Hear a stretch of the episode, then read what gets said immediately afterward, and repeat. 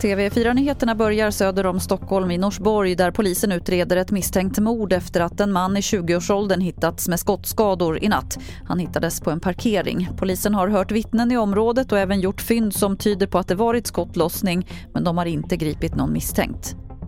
Det verkar fuskas en del med coronastödet. Just nu pågår ett par hundra sådana brottsutredningar. Det säger åklagare till SR.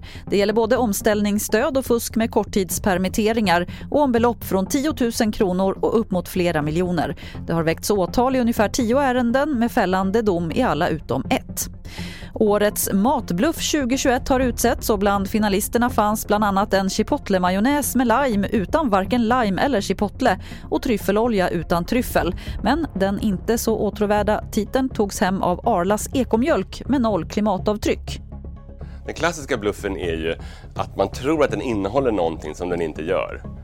Men i det här fallet så är, så är det egentligen inte, det här är mjölk, det är precis vad det står att det är. Utan det är hur de har hanterat det här med klimatkompensering och att man använder klimatkompensering som netto nollartryck för att du ska köpa varan som är liksom bluffen.